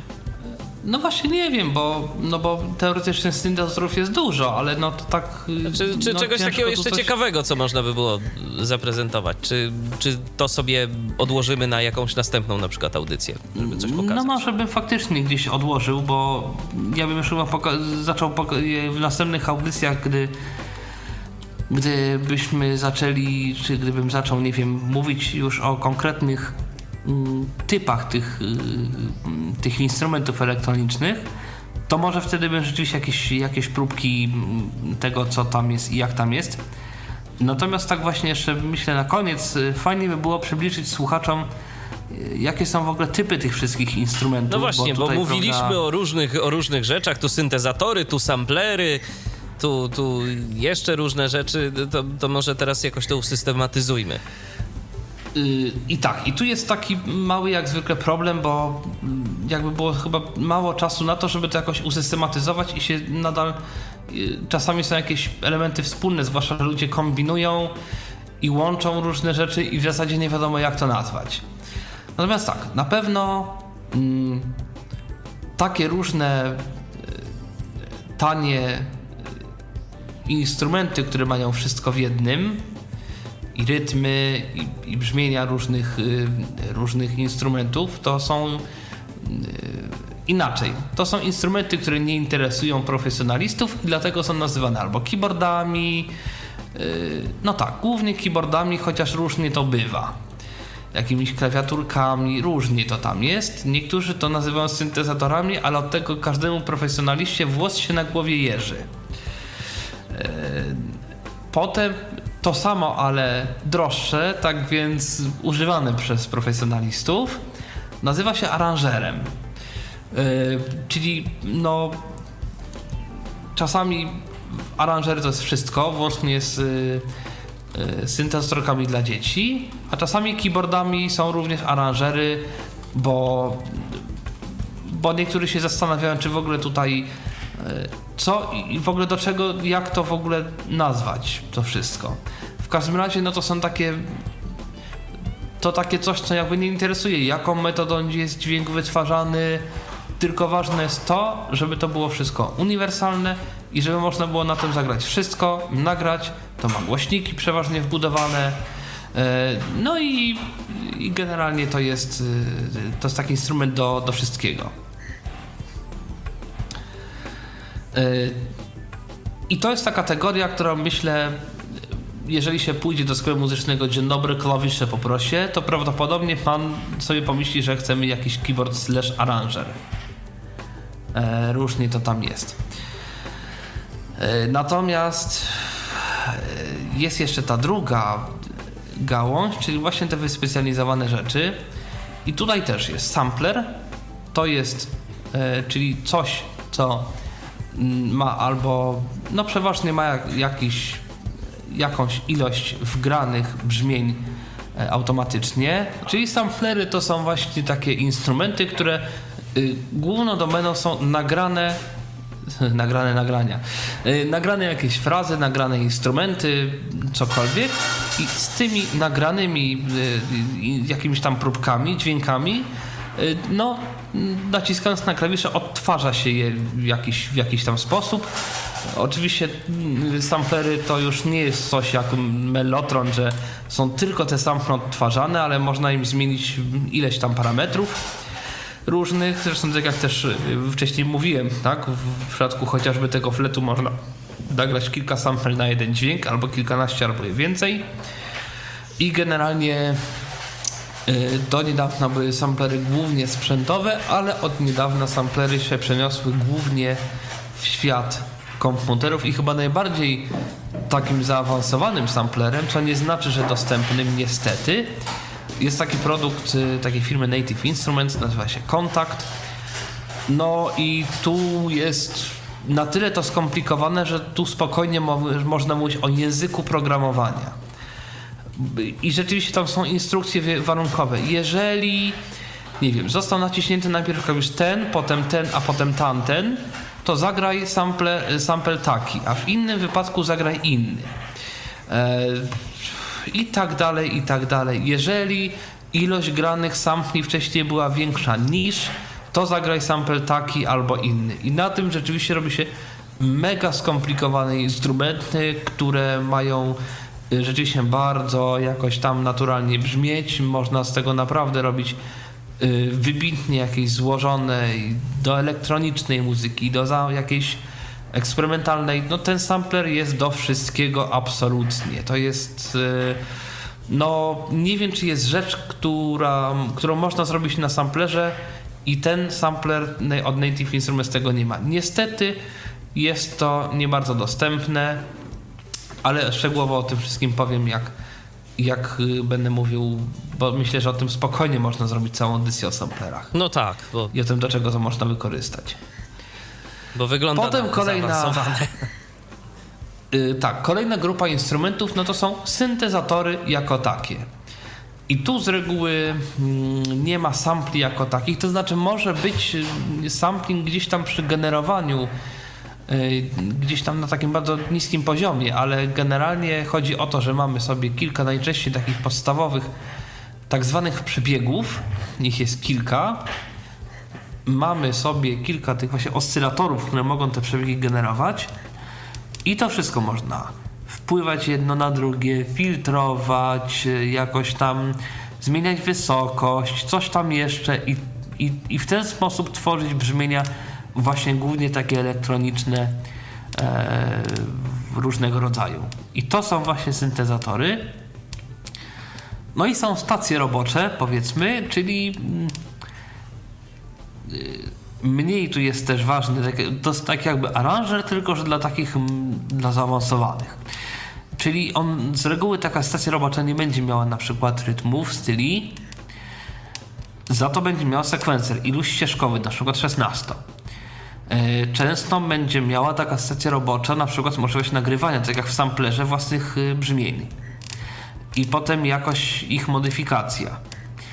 Niektóre najnowsze mogą mieć możliwość zapisywania y, wyników tego, co, co tam nagraliśmy na pendrive. Czyli to właśnie takie coś jak mówiłem m, przy synclawierze i Fairlightie, czyli siadamy do instrumentu i od początku do końca robimy utwór i możemy go potem wyeksportować na pendrive. Niektóre nawet mają wejście mikrofonowe i są też jako rejestrator ym, no po prostu audio i można nie wiem, wokal nawet nagrać.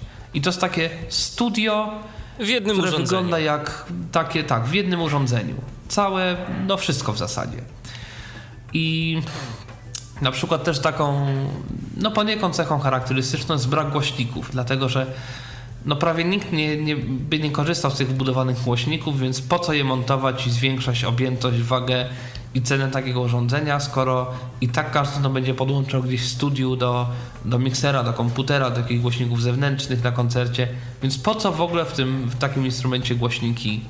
głośniki. Też jakiś czas temu e, została stworzona taka kategoria, e, znaczy kategoria, tak, też taki rodzaj instrumentów, który się, który się przyjął, czyli e, cyfrowe fortepiany, cyfrowe pianina.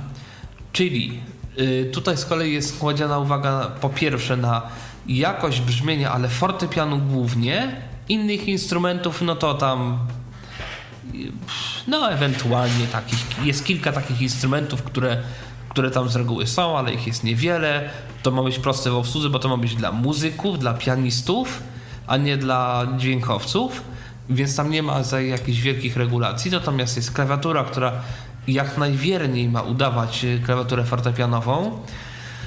Jako taka ciekawostka, no to na przykład w najnowszym y, fortepianie chyba Rolanda albo Yamaha, już nie pamiętam. Na pewno jest y, taki system wielu głośników, żeby ten dźwięk jakby otaczał grającego troszkę jak, znaczy otaczał, jak otaczał, no jest wielokanałowy, żeby to brzmiało jak, jak z fortepianu. Bo tu głośniki Mało już są. tego, bo tu głośniki oczywiście są, bo to ma być jak, jak, jak fortepian, tylko przenośny. I to z reguły waży, nie wiem, 20-30 kilo, czyli no na tyle, że to można schować i powiedzmy jest ktoś, kto śpiewa jakieś tam piosenki, chce mieć fortepian przenośny, żeby na nim grał koncerty, no to jedzie z takim fortepianem na koncert, stawia go, włącza i gra. I, I to po prostu słychać. I oczywiście one z reguły mają też jakieś wyjście, żeby to można było podłączyć na jakimś, żeby jakiejś większej sali to na jakiś mikser szło, mają wyjście słuchawkowe, bo trzeba w domu ćwiczyć, ale mają przeważnie, znaczy przeważnie, niemal zawsze głośniki, bo no tu trzeba w domu zagrać, tu trzeba na jakiejś małej imprezce podegrać, y, tu w jakiejś małej salce coś zrobić, tu gdzieś w plenerze, y, więc to ma być po prostu taki instrument dla pianistów. E, właśnie też ten najnowszy, najnowszy pianino też tej firmy ma nawet takie wbudowane wibracyjne silniczki, które jak się naciska klawisz w prawdziwym fortepianie, to no, on drga pod wpływem no, strun, tak, rezonansu. Te drgania strun przenoszą się również na klawiaturę. Więc tutaj te silniczki wibracyjne też jakby ten efekt tworzą, że jak grasz na, e, na, tym, na tym fortepianie, to czujesz ten, ten rezonans jakby strun, to, że te klawisze tak drgają jak, jak y, pod wpływem tego, tego no, no, no, no strun po, po prostu. No tak, czyli chodzi o najwierniejsze odwzorowanie tego instrumentu. I teraz też zwłaszcza y, Korg, znaczy nie, oprócz y, wirtu takich cyfrowych fortepianów, też kilka firm eksperymentuje z różnymi innymi instrumentami. Na przykład Roland zrobił cyfrowy akordeon, czyli instrument, który wygląda jak akordeon, którym ma też brzmienie akordeonu, y, na którym się gra trochę jak na akordeonie, ale jest cyfrowy. Więc można mu zmieniać brzmienie, więc można y, podłączyć do, też do jakiegoś głośnika zewnętrznego, do jakiegoś systemu. Ma wyjście słuchawkowe, więc może sobie akordeonista ćwiczyć w ciszy na tym akordeonie. Ale dźwięk się też ma tą, y, tą, tą, tą taką harmonię, y, ma, ma no jakby zachowuje się jak akordeon, ale jest cyfrowy. E, też kilka firm, Yamaha, Akai na przykład ma instrumenty elektroniczne Dente, e, czyli normalnie jest ustnik w tym instrumencie, z tym, że no też proces generowania dźwięku jest cyfrowy, powiedzmy. E, no, także też można sobie ćwiczyć pewne rzeczy przynajmniej, bo na dentych to jest trochę bardziej skomplikowane. E, ale w jakoś tam elektronicznej, ewentualnie jak ktoś lubi takie różne nowe instrumenty, no to... To zawsze można spróbować. Yy, tak, no to też jakoś tam jest y, efektowne. Yy, są perkusje elektroniczne, yy, czyli też są właśnie takie jakby albo gumowe, albo z takiej siatki zrobione bębny. To się podłącza pod taki moduł brzmieniowy i też one z reguły nie mają głośników, bo z reguły to jest tak, że jest jakby każdy bat, ten jakby bęben to osobny element, Osobnym elementem jest rama i osobnym elementem jest moduł brzmieniowy. I to się wszystko kabelkami łączy i można na wymienić moduł na inny. Albo... No a też moduły mogą być y, komputerowe, tak jak VST. Tak, też. Chociaż z reguły jakby te bębny mają mm, poniekąd wyjścia analogowe, one po prostu dają jakieś tam mm, jakieś tam napięcie i to jest wszystko jakby generowane przez moduł. Perkusje elektroniczne to jest specyficzny instrument elektroniczny, ale są takie i, i rzeczywiście też są bębniarzy, którzy, którzy na tym grają, no bo trzeba jakoś w domu ćwiczyć, a a sąsiedzi, a nie, zawsze, domu, a sąsiedzi nie zawsze są tolerancyjni. To jest. E, Pozdrawiamy naszego no. redakcyjnego kolegę Tomka. Tyż. Tak.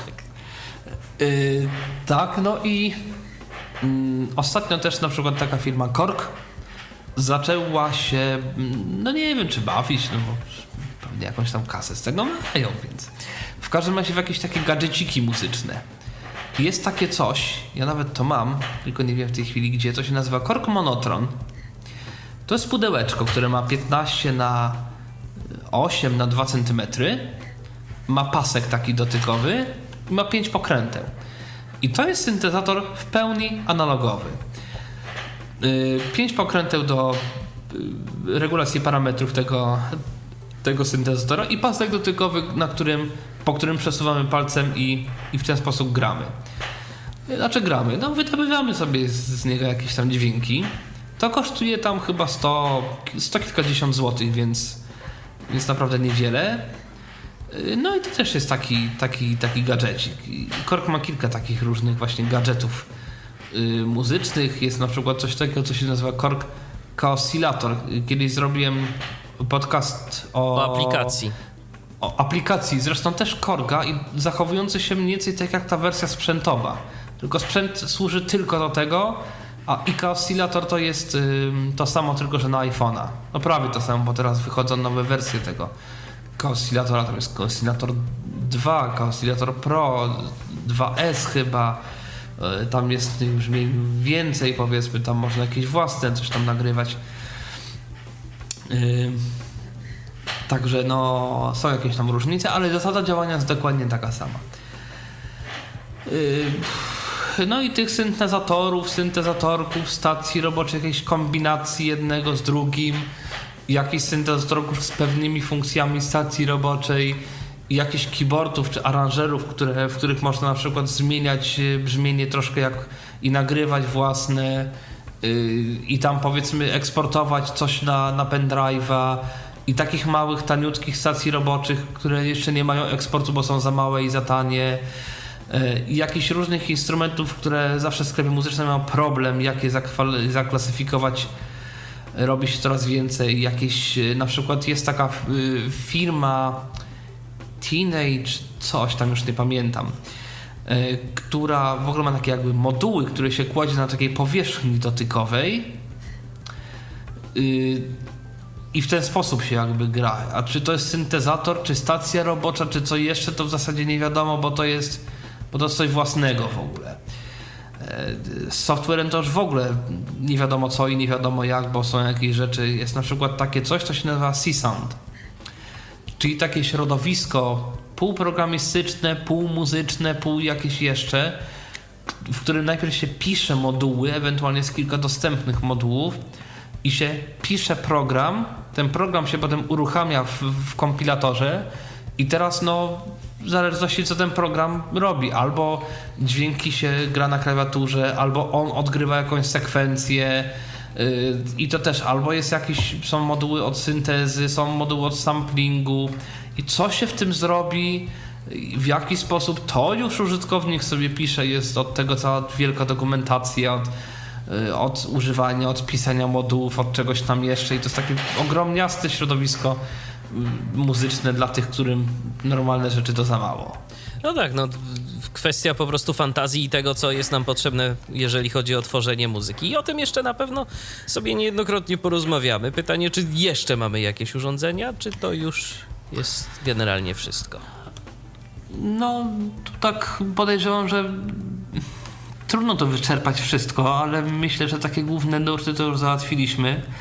Jeżeli ktoś by chciał sprawdzać, co się. Znaczy, in, dobra, tak. Jeżeli coś, ktoś by chciał sprawdzać, co nowego się pojawiło na rynku, to zawsze w, są, są e, dwa, dwie imprezy takie muzyczne, są dwa targi. Jedne są w Kalifornii w Stanach. One się nazywają Music Nam, Music NAMM. I drugie są w Europie, w Niemczech, Music Mess, czy jak to się czyta, Music Messe, Music Messe. To jest przeważnie w kwietniu.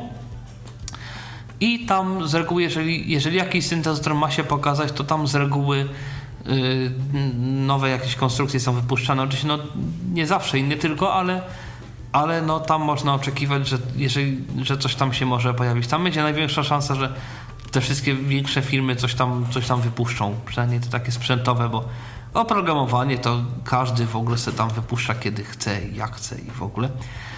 E, od e, tych software'owych rzeczy jest portal KV, kvraudio.com Natomiast jeżeli ktoś by chciał sobie poczytać o historii tych wszystkich syntezatorów, zresztą to też jest źródło, z którego ja korzystałem, między innymi przygotowując się do tej dzisiejszej audycji.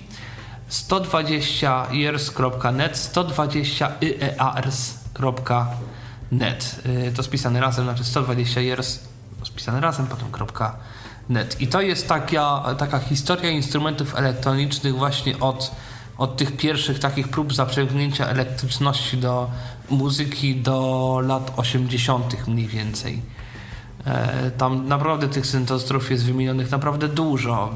Nie wiem, chyba ze 100 chyba. E, o każdym jest, e, o każdym jest trochę rzeczy opisanych, przy niektórych są jakieś próbki. Można sobie poczytać ciekawostki o, o tych syntezatorach, także jak ktoś lubi takie rzeczy, może sobie tam wejść, sprawdzić i, i jeszcze poczytać więc można sobie wiedzę jeszcze douzupełnić, a my oczywiście y, ten temat będziemy jeszcze poruszać y, w kolejnych spotkaniach na antenie Tyflo Radia i w Tyflo Podcastach. A dziś o syntezatorach, o samplerach, e, o historii tych urządzeń opowiadał Tomek Bilecki. Dziękuję Ci bardzo, Tomku, za udział w dzisiejszej audycji. Dziękuję również. I ja również dziękuję za uwagę. Michał Dziwisz, kłaniam się do następnego spotkania w Tyflo Radio. Był to Tyflo Podcast. Pierwszy polski podcast dla niewidomych i słabowidzących. Program współfinansowany ze środków Państwowego Funduszu Rehabilitacji Osób Niepełnosprawnych.